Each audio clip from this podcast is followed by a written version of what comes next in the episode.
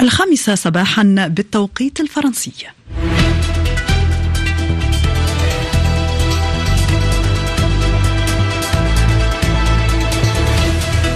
وصلنا إلى موعد النشرة الإخبارية الثانية في صباح مونتي كارلو الدولية مع نبيل شوفان. صباح الخير نبيل. صباح النور نجوى صباح الخير لكم مستمعينا والبداية بالعناوين.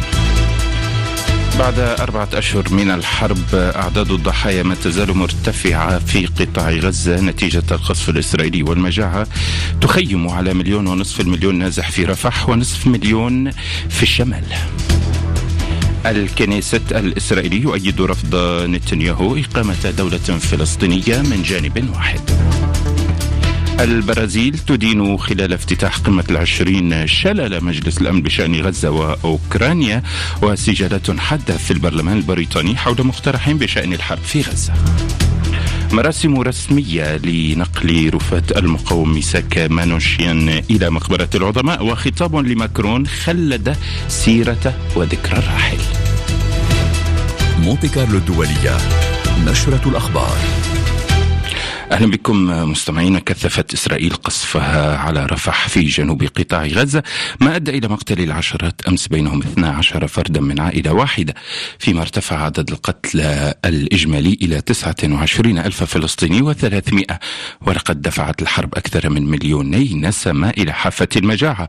مليون ونصف منهم نازحون في رفح ونصف مليون في الشمال هناك حيث أعلن برنامج الأغذية العالمي تعليق تسليم المساعدات بسبب الفوضى والعنف. لميس زينتين. 118 شخصا قتلوا في قطاع غزة في الساعات الأربع والعشرين الماضية إثر غارات إسرائيلية مكثفة فيما يحتدم القتال على الأرض. حصيلة القتلى ارتفعت إلى ما يزيد عن 29 ألف قتيل وفق وزارة الصحة التابعة لحكومة حماس. هذا وتدور معارك عنيفة في مدينة خان يونس بجنوب القطاع حيث يتعقب الجنود الإسرائيليون مقاتلي حماس وسط الأنقاض. كما تتصاعد حدة الاشتباكات في حي الزيت الزيتون والشجاعية في مدينة غزة شمال القطاع. على الصعيد الإنساني أكد المدير العام لمنظمة الصحة العالمية أن الوضع في غزة غير إنساني معتبرا أن القطاع أصبح منطقة موت في ظل النقص الحاد في الغذاء والأدوات الطبية إلى جانب انتشار النفايات والأمراض المعدية بين النازحين. السلطات الإسرائيلية أعلنت من جانبها دخول 98 شاحنة مساعدات إنسانية إلى غزة في حين استنكرت مؤسسة وكالات التنمية الدولية بطء عمليات التفتيش وتعطيل تعطيل عشرات الشاحنات لعدة أيام على الحدود. هذا وقامت أمس بريطانيا والأردن بإنزال جوي لأدوية ووقود وأغذية في شمال القطاع وأظهرت بيانات أممية توقف تدفق المساعدات من مصر في الأسبوعين الماضيين فيما أكد المدير العام لمنظمة الصحة العالمية أن الوضع في قطاع غزة لا إنساني ووسط تصاعد الدعوات لحل سياسي شامل ووضع جدول زمني لدولة فلسطينية بدأت تدعو لإقامتها باريس ولندن وحتى واشنطن صوت الكنيسة الإسرائيلية الإسرائيلي أمس بغالبية واسعة لصالح قرار اقترحه رئيس الوزراء بنيامين نتنياهو ضد أي اعتراف أحادي الجانب بدولة فلسطينية. أنطوان شلحت وهو كاتب ومحلل سياسي مختص في الشؤون الإسرائيلية اعتبر أن هذا القرار سيكون بمثابة حجر عثرة أمام الجهود الدولية للتوصل إلى حل. نستمع إليه. يعني لا شك أن قرار الكنيسة آه، الذي يرفض يعني أي مبادرة للاعتراف بالدولة الفلسطينية ستكون له تداعيات بعيدة المدى على ما يسمى بعملية التسوية السياسية للقضية الفلسطينية أو للصراع الإسرائيلي الفلسطيني. ولكن لا شك أن هذا القرار يعكس الإجماع القائم في إسرائيل في الوقت الحالي حتى تحت وطأة الحرب الإسرائيلية دائرة في قطاع غزة وهو إجماع يعارض قيام دولة فلسطينية وبالتالي فإنه يضع حجر عثرة كبير أمام أي مسار سياسي يمكن أن تترتب عليه الحرب في غزة أو أن يسير فيه الطرفان نتيجة الضغط الدولي المتراكم على خلفية أيضا الحرب في غزة. وأظهر استطلاع للرأي أن غالبية الإسرائيليين لا يؤمنون بأن جيشهم سيحقق نصرا مطلقا ضد حماس. وصرح يني جانس أمس عضو مجلس وزراء الحرب بأن هنالك مؤشرات أولية واعدة على إحراز تقدم بشأن اتفاق جديد لإطلاق سراح الرهائن وتنفيذ هدنة. وقال موقع إكسيوس أنه من المتوقع أن يزور مدير المخابرات المركزية الأمريكية باريس لإجراء محادثات بهذا الشأن. في الأثناء تواصل واشنطن توفير غطاء دبلوماسي وقانوني في المحافل الدولية للاحتلال الإسرائيلي للأراضي الفلسطينية حيث تطالب بمراعاة احتياجات إسرائيل الأمنية. وقالت أمس أنه يتعين على محكمة العدل الدولية ألا تأمر بالانسحاب غير المشروط للقوات الإسرائيلية من الأراضي الفلسطينية أثناء نظرها في شرعية الاحتلال. من واشنطن هشام ملحم. شددت الولايات المتحدة أمس على أنه يتعين على محكمة العدل الدولية ألا تخرج برأي قانوني حول شرعية الاحتلال يطالب إسرائيل بالانسحاب غير المشروط للقوات الإسرائيلية من الأراضي الفلسطينية. وكانت الجمعية العامة للأمم المتحدة قد طلبت قبل سنتين من المحكمة الدولية إصدار رأي غير ملزم يتعلق بالعواقب القانونية للاحتلال. وقال ريتشارد فيسك القائم بأعمال المستشار القانوني لوزارة الخارجية الأمريكية أمام المحكمة التابعة للأمم المتحدة أي تحرك نحو انسحاب إسرائيل من الضفة الغربية وغزة يتطلب مراعاة الاحتياجات الأمنية الحقيقية لإسرائيل. وأشار المسؤول الأمريكي إلى أن العديد من الدول المشاركة في جلسات المحكمة تجاهلت هذه الاحتياجات. وتعرضت ممارسات إسرائيل في الأراضي المحتلة في الأيام الماضية إلى انتقادات واسعة من قبل دول عديدة أمام قضاة المحكمة وحضوهم على إعلان الاحتلال غير قانوني. هشام الحم واشنطن مونتي كارلو الدولية. وفي ريو دي جانيرو انتقد وزير الخارجية البرازيلي شلل مجلس الأمن الدولي بشأن الحرب في غزة وأوكرانيا وذلك خلال افتتاحه اجتماع مجموعة العشرين. وفي سوريا لقي شخصا حتفهما جراء هجوم إسرائيلي استهدف مبنى سكني في منطقة كفر سوسة بالعاصمة دمشق.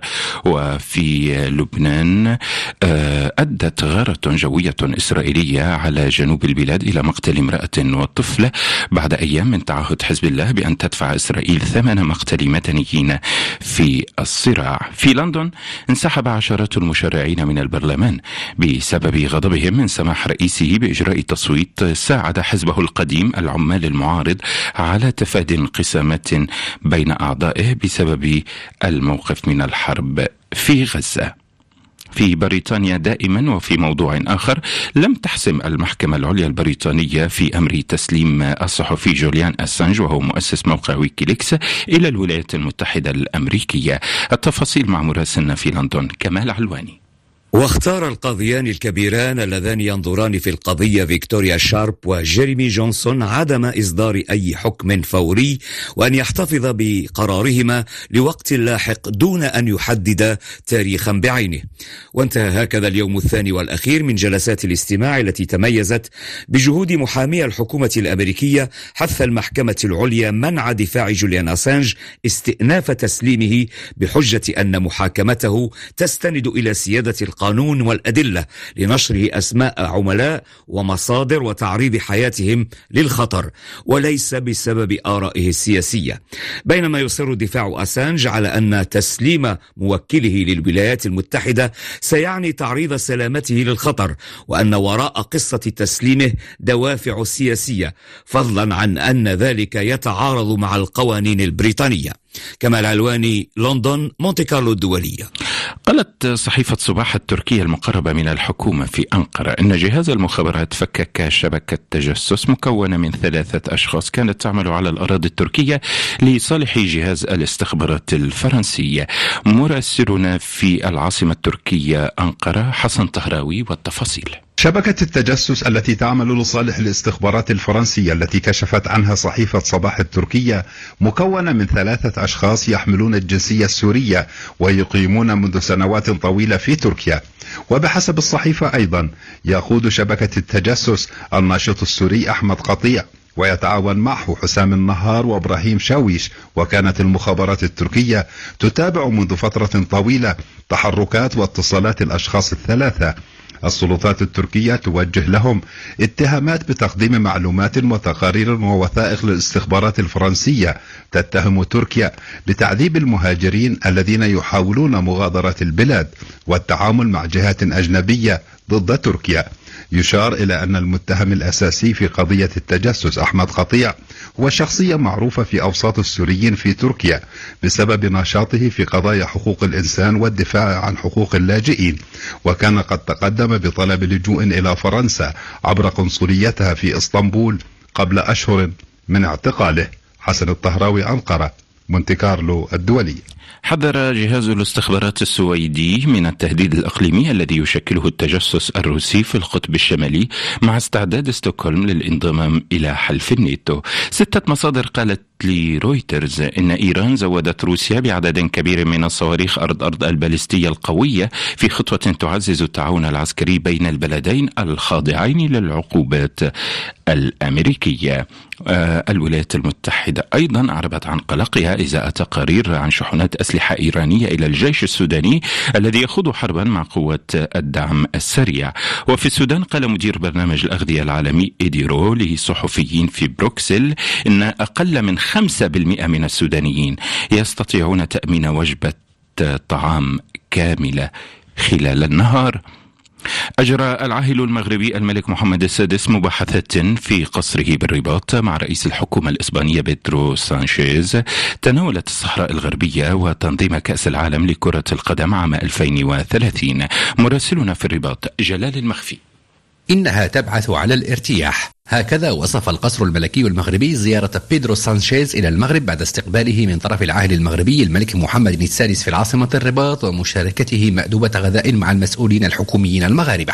مبعث الارتياح يكمن من ناحية في تأكيد سانشيز للعاهل المغربي موقف بلاده المتعلق بكون المبادرة المغربية للحكم الذاتي بمثابة الأساس الأكثر جدية وواقعية ومصداقية لتسوية ملف الصحراء. ومن ناحية ثانية عبر سانشيز للملك عن التزامه بمواصلة اهتمام الحكومة الإسبانية بالعلاقات الثنائية بين البلدين خلال السنوات الأربع المقبلة من ولايته. ولن ينحصر تعزيز العلاقات بين البلدين في ولاية سانشيز. فرئيس الحكومة الإسبانية يريد ترك الطريق معبدا أمام الشركات الإسبانية للمساهمة في تطوير البنية التحتية التي يخطط المغرب لبنائها في أفق 2030 استعدادا لاحتضان كأس العالم رفقة إسبانيا والبرتغال. زيادة على ذلك تريد إسبانيا أن تكون بشكل أو بآخر جزءا من بعض المبادرات الملكية الجديدة وعلى رأسها المبادرة الملكية لتعزيز ولوج بلدان الساحل إلى المحيط الأطلسي وأيضا مبادرة أنبوب الغاز الإفريقي الأطلسي نيجيريا المغرب. جلال المخفي الرباط مونتي كارلو الدولية. أمس دخل جثمان المقاوم الشيوعي من أصل أرمني ميساك مانوشيان إلى مقبرة العظماء البانتيون في باريس ليرقد فيها إلى الأبد وبحضور الرئيس الفرنسي إيمانويل ماكرون ورئيس وزراء أرمينيا نيكول باشينيان. وضع جثمان مانوشيان أحد الأسماء البارزة في الكفاح ضد النازية في فرنسا خلال الحرب العالمية الثانية. وضع عند النصب التذكاري بالضاحية الباريسية وهو المكان الذي أعدم فيه بالرصاص الرصاص على يد النازيين مع عدد من المقاومين الآخرين. موفدنا إلى المراسم طارق القاعي. تدخل كجندي مع رفاقك تدخل كشاعر تحدث عن الحب السعيد رغم السجن والتعذيب والموت. الحب والحرية للأبد. بهذه الكلمات ختم الرئيس الفرنسي إيمانويل ماكرون كلمته التي توجه فيها إلى ميساك مانوشيان المقاوم الفرنسي الذي قتل منذ ثمانين عاما على يد الجيش الألماني مع رفاقه 23 وقد عكست مراسم إدخال مانوشيان إلى مقبرة العظماء البانتيون مراحل أساسية من حياة هذا الشاب الذي فر من المذبحة الأرمينية لينتقل إلى لبنان فيستقر في فرنسا وينخرط في الحزب الشيوعي لمقاومة الجيش الألماني. من خلال الموسيقى التي أديت على آلة الدودوك الأرمينية والأشعار والصور والكلمات أدخلت فرنسا أول مقاوم شيوعي وأول شخص غير فرنسي إلى مقبرة العظماء. تكون بذلك فرنسا قد كرمت من رفضت أن تعطيه الجنسية الفرنسية مرتين وبالرغم من ذلك دافع منوشيان عنها وعن قيمها حتى التضحية بنفسه والموت من أجلها. من ساحة البانتيون في باريس طارق القاعي فرانس 24 لمونت كارلو الدولية. وفي إشارة لا تخلو من التلميح إلى الجدل الذي أثاره حضور أو عدم حضور زعيمة اليمين المتطرف للمراسم قال ماكرون إن ميساك كان حرا في فرنسا البلد الذي اختاره ووفر له كلمات ليحلم وملجأ ليقف على قدميه وثقافة ليحرر نفسه. لذلك رفع علمنا عاليا ومن أجل خدمة هذا العلم طلب مرتين أن يصبح فرنسيا لكن عبثا لأن فرنسا نسيت رسالتها كملجأ للمضطهدين. نهاية النشر وهذا تذكر بأبرز العناوين.